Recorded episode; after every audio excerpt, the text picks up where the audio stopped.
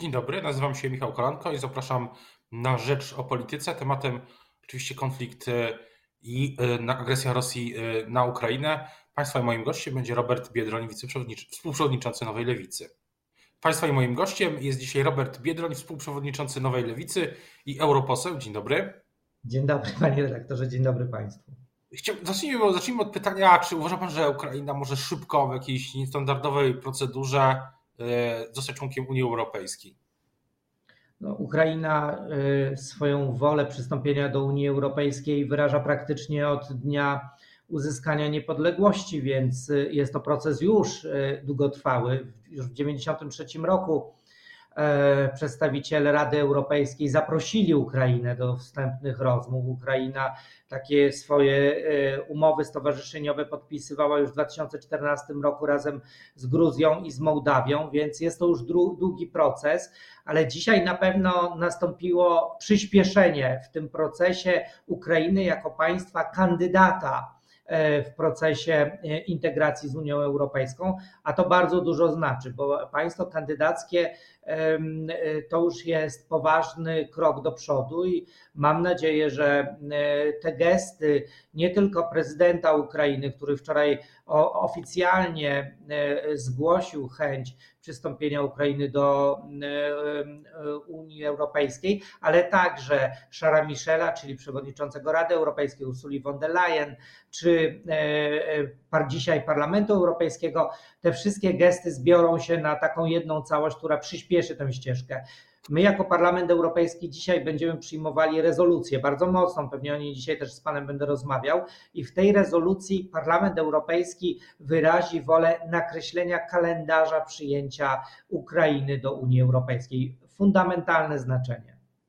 Właśnie pytanie, co, co, jakie jest w ogóle w Brukseli e, jakie są opinie, jest, e, jaka jest reakcja właśnie w Parlamencie Europejskim na to, co się dzieje od, e, od kilku dni, też na te e, coraz bardziej tragiczne informacje dotyczące mm, ostrzałów obiektów cywilnych i, i nie tylko. Co się, co się dzisiaj, jaki no. jest nastrój, że tak się wyrażę, w, korytarzach w Parlamencie Europejskim? Powaga, wielka powaga chwili. Myślę, że też zrozumienie mimo wszystko do tego, E, w jakim jesteśmy momencie historii. Do tej pory było tak, że im dalej od e, Mińska czy Kijowa, tym mniej było zrozumienia tych spraw. E, Mińsk i Kijów są tak daleko od Lizbony, Madrytu czy innych stolic państw członkowskich, że często nie dostrzegano tych kwestii. Ja od lat zajmuję się między innymi kwestiami białoruskimi i widziałem ten problem. Dzisiaj ta reakcja jest bardzo solidarnościowa, chociaż muszę powiedzieć, że y, nad rezolucją pracujemy wszyscy, y, praktycznie wszystkie grupy polityczne, oprócz jednej, oprócz tej, w której jest Marie Le Pen i Matteo Salvini, e, czyli najbliżsi przyjaciele Prawa i Sprawiedliwości. Być może, jeśli mogę mieć jakikolwiek apel, to prosiłbym pana premiera Morawieckiego o to, żeby odezwał się do swoich przyjaciół politycznych i namówił ich e, do tego, żeby poparli dzisiaj tę rezolucję, bo jest to niezwykle ważna rezolucja, a głos przyjaciół Prawa i Sprawiedliwości, czyli Marii Le Pen czy Salviniego przeciwko tej rezolucji, to jest głos za Putinem, Kremlem i za wojną e, rosyjską przeciwko e, Ukrainie. Właśnie, chciałem też o to zapytać, pan mnie trochę ubiegł, jakie są, czy są jakieś polityczne podziały w Parlamencie Europejskim na tym tle i też z drugiej strony, czy, czy, czy jak jest, jaka jest e, pozycja, czy rola Polski, polskich eurodeputowanych, bo to też, w, to też jest istotne, myślę. Eurodeputowani są e, w tej sprawie e, zjednoczeni jak e, rzadko do tej pory. Niestety ta tradycja funkcjonowania klubu polskiego, bo to jest zgromadzenie wszystkich polskich europarlamentarzystów, ona nie funkcjonuje tak dynamicznie jak e, przed e, rządami Prawa i Sprawiedliwości. Ja dzisiaj mam jako lewica przewodzenie nad tym klubem i widzę, jak ciężko jest zebrać kolegów i koleżanki z różnych perspektyw politycznych, ale w tej sprawie jesteśmy zjednoczeni. Zresztą w najbliższych dniach odbędzie się posiedzenie klubu polskiego, myślę, że z udziałem premiera Morawieckiego, e, co będzie ważnym też symbolem dla naszych kolegów i koleżanek innych państw Unii Europejskiej, więc na pewno tutaj jest zrozumienie. Brak jest zrozumienia wśród grup nacjonalistycznych, faszyzujących, należącej do tej najbardziej skrajnie prawicowej grupy politycznej w Parlamencie Europejskim, z którym, jak przypomnę, PiS niestety sympatyzuje. Czyli e, podsumowując ten wątek, spodziewa się pan, że premier Morawiecki się po prostu spotka zdalnie czy na miejscu z państwem, z europosłami polskimi w Europarlamencie, tak? Dobrze, dobrze to rozumiem? Taka, taka, taka była tradycja klubu polskiego, że te spotkania były e, e, z wizytą gościnną premierów i myślę, że będzie podobnie tym razem. Nie widzę też E, e, jakichś problemów z tej kwestii. Oczywiście są, mogą to być problemy tylko czasowe, ale e, Klub Polski jest ważnym instrumentem kreowania polityki polskiej, czy wpływania polskich interesów na interesy poszczególnych krajów czy unijne. I takie zgromadzenie wszystkich europarlamentarzystów jest ważnym wydarzeniem w Parlamencie Europejskim. To jest także ważny znak dla innych grup i politycznych, innych delegacji narodowych. E, Polska ma ogromną delegację, jesteśmy wielkim krajem, więc takie zgromadzenie na pewno będzie ważnym politycznie aktem, ale przypomnę jeszcze raz, dzisiaj będziemy obradowali nad ważną rezolucją, mapą drogową dla Ukrainy, wsparciem, planem wsparcia e, Unii Europejskiej dla Ukrainy i dobrze by było, żeby wszystkie grupy polityczne poparły tę rezolucję, a dzisiaj niestety jedna grupa właśnie Le Pen, Salviniego i przyjaciół e, PiSu niestety e, do tej koalicji się nie przyłączyła.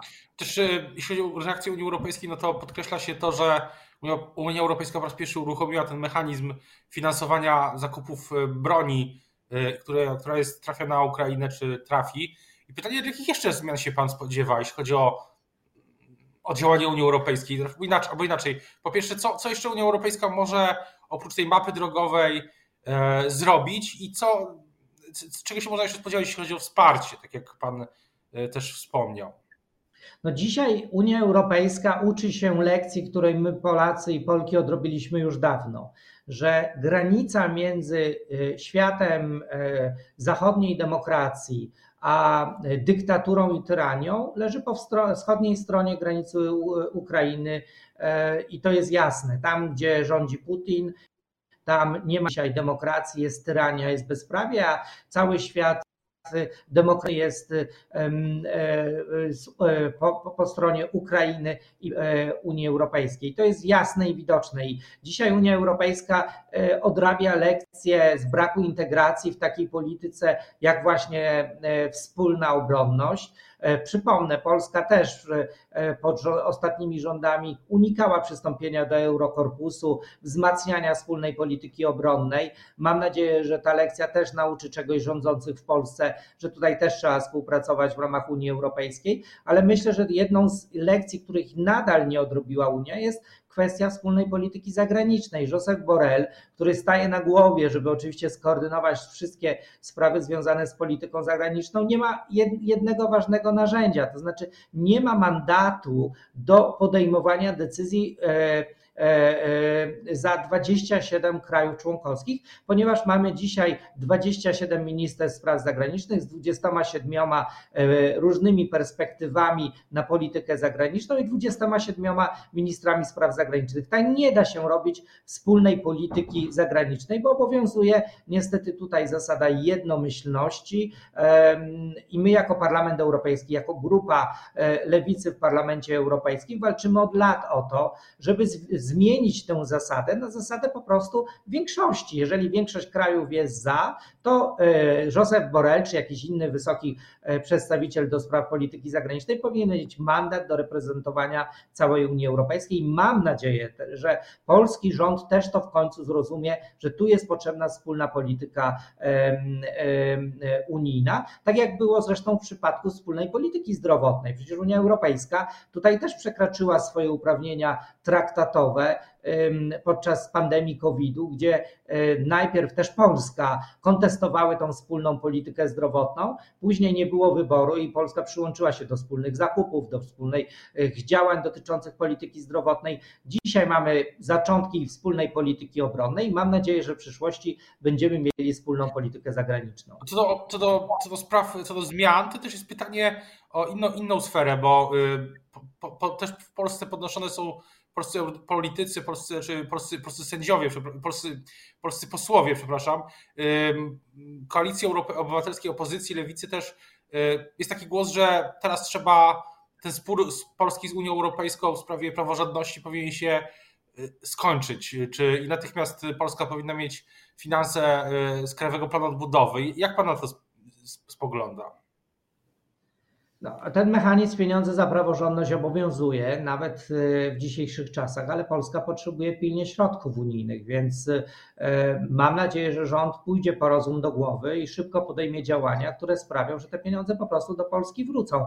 E, dzisiaj widzimy jasno i wyraźnie, kiedy łamana jest praworządność, e, e, Polska jest słabsza. Kiedy nie współpracujemy z Unią Europejską, Polska jest słabsza. Naszym gwarantem bezpieczeństwa są nasze sojusze międzynarodowe i z NATO, i z Unią Europejską. Zresztą przecież to lewica wprowadzała Polskę i do NATO, i do Unii Europejskiej. I my wiemy, że racją naszą stanu jest czerpanie po prostu korzyści z tych sojuszy.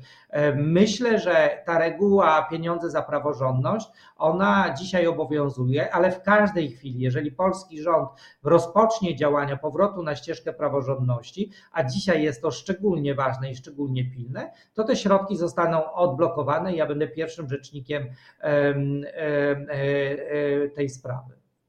Co do ogólnie sytuacji, to jaka jest rola partii politycznych, polityków, polityczek dzisiaj w, tej, w tym kryzysie? Co, co mogą robić? Oprócz tego, o czym mówiliśmy oczywiście przez ostatnie, ostatni kwadrans działań yy, zgodnie ze swoim mandatem, to co jeszcze mogą robić yy, politycy? Po pierwsze, oczywiście podejmować racjonalne i mądre decyzje. Te decyzje niestety w wielu sprawach trzeba podejmować bardzo szybko i widzę też, jak ciężko jest skoordynować te kwestie polityczne, to się udaje na szczęście i Unii Europejskiej e, i, i w Polsce, więc tutaj e, stajemy, myślę, na wysokości zadania, ale możemy też dawać przykład, to znaczy pokazywać, że sami udzielamy pomocy, angażujemy się. Przecież Lewica udostępniła ponad 300 swoich biur e, dla, na zbiórkę potrzebujących. Sami nasi parlamentarzyści i parlamentarzystki e, angażują się, są też na granicy. Przypomnę, Wiesław Szczepański, szef Komisji Spraw Wewnętrznych, jest dzisiaj e, na granicy, gdzie monitoruje sytuację. E, kolejna delegacja ze wsparciem też się tam udaje, więc jesteśmy tam, gdzie powinniśmy być i myślę, że też ważna jest solidarność, to znaczy nie, nie podzielić się i ja na pewno nie, e, zrobię wszystko, żeby e, w tych ważnych, fundamentalnych sprawach ze sobą współpracować, bo tej solidarności dzisiaj oczekują nie tylko Polacy, ale przede wszystkim Ukraińcy i Ukrainki i świat e, demokratyczny. Właśnie, ale pytanie też, no bo jak pan widzi na dłuższą metę, oczywiście nie znamy niestety chwili, gdy ten kryzys może się skończyć, Miejmy nadzieję, że, że do jakiegoś, że, że jakoś, że stanie się to jak najszybciej. Natomiast y, mm, jak pan sądzi, czy, czy jaki będzie miał to wpływ na polską, znaczy na politykę w ogóle? Chwilę, chwilę rozmawialiśmy o Unii, na politykę w Polsce. Co, co, się, co się może zmienić? No, to, to, to, to, już nie będzie taka polityka, jaką znamy do tej pory, bo mm, wszystko zostało przewartościowane i zredefiniowane. Nie, nie wrócimy już do sytuacji sprzed y, y, tej wojny, sprzed już prawie tygodnia, ponieważ e, e, wiemy, że jest inna rzeczywistość, rzeczywistość, w której na dzisiaj e, bardzo wiele nie wiemy co do jutra i przyszłości, ale wiemy, że to jutro i przyszłość już będzie inne. Myślę, że to powinna być lekcja dla wszystkich eurosceptyków, dla tych wszystkich, którzy straszyli Unią Europejską, że naszą racją stanu jest po prostu bycie w Unii Europejskiej, ale też pamiętanie o tym, że nie będzie bezpiecznej Polski, bezpiecznej Unii Europejskiej, bez e, bezpieczeństwa, stabilności, niezależności takich krajów jak Ukraina czy Białoruś, bo one są też krajami, które są krajami buforowymi, krajami, które chronią nas w dużej części także przez przed e, e, drapieżczą polityką Putina e, i bez zdania sobie sprawy z tego, że w naszym interesie jest walka o niepodległość Białorusi, o niezależność Ukrainy, nie będzie niepodległej i niezależnej Polski. Po prostu to są naczynia połączone. A czy powiedziałby, zgodziłby się Pan z taką tezą, że mm, ta poważna sytuacja, w zasadzie drugi bardzo poważny kryzys od, od w tej drugiej kadencji też Sejmu, 2020 rok, dwa lata temu, e, początek pandemii, dzisiaj e, wojna wobec Ukrainy. Czy, czy to jest tak, że to już definitywnie pokazuje, że potrzebny jest, e, że polityka powinna być poważniejsza, mniej oparta na, na takich na, na, na, na samej partyjnej polityce, a bardziej na takich kwestiach merytorycznych, takiej poważnej debacie, dyskusji o, tym, jak powinny działać państwo, instytucje, od, od, od edukacji po, po siły zbrojne? No, przede wszystkim polityka zawsze powinna być poważna, tylko mm, myślę, że do tej pory wielu, w Polsce szczególnie, polityków patrzyło na tą politykę jako walkę z jakimiś demonami e, czy z wiatrakami, na co tracili bardzo dużo energii. E, my przecież uczymy się tej lekcji po raz kolejny że naszym gwarantem bezpieczeństwa są mocne, pokojowe sojusze i prodemokratyczne. I jeżeli tego klasa polityczna, szczególnie ta rządząca, nie zrozumiała po COVID-zie i po e, tej wojnie, no to nie wiem, co jeszcze musi się wydarzyć, żeby to zrozumieć. Zarówno ta pandemia COVID-u, jak i ta wojna pokazują, że Polska czerpie nie tylko finansowe, ale także obronne, dotyczące bezpieczeństwa naszego korzyści korzyści z bycia w Unii Europejskiej. I naszym interesie jest inwestowanie w ten projekt, w naszym interesie jest zapraszanie kolejnych krajów do tego e, e, projektu, tak, żeby stabilizować sytuację e, w Europie. Więc nie chodzi tylko przecież o Ukrainę. My powinniśmy być rzecznikami takich krajów jak Północna Macedonia, jak Albania, jak Serbia, jak wiele innych krajów, które chcą być częścią Unii Europejskiej. Dzisiaj jeszcze nie są, bo jest to w naszym żywotnym interesie. Destabilizacja przez Putina Unii Europejskiej to destabilizacja sytuacji w Polsce. I naprawdę ja za głowę się łapię, jak patrzę czasami, słyszę, słyszałem do tej pory wypowiedzi niektórych polityków, którzy mówili, że nie potrzebują środków unijnych, że nie pozwolą, żeby Unia Europejska nam się tutaj mieszała. No ale jeżeli nie Unia Europejska, no to naszą jedyną alternatywną jest ZBIR. To jest sojusz, który może się powiększyć, sojusz białorusko-rosyjski, który może się powiększyć o takie kraje jak Polska i Ukraina. Chcemy takiego sojuszu? Ja, ja takiego sojuszu na pewno nie chcę. O tym, e, o tym, co dalej w Parlamencie Europejskim i reakcji Unii Europejskiej, oraz oczywiście o tym, co e, dzieje się w Ukrainie, będziemy o tym informować na bieżąco. Nasz e, korespondent Jerzy Haszczyński jest cały czas w Kijowie. Relacje na, na bieżąco na stronie rp.pl. Teraz bardzo już Dziękuję za e, rozmowę Państwa i moim gościem dzisiaj był współprzewodniczący e, Nowej e, Lewicy Robert Biedron. Dziękuję bardzo za rozmowę. Dużo zdrowia i wszystkiego dobrego Państwu życzę. Dziękuję.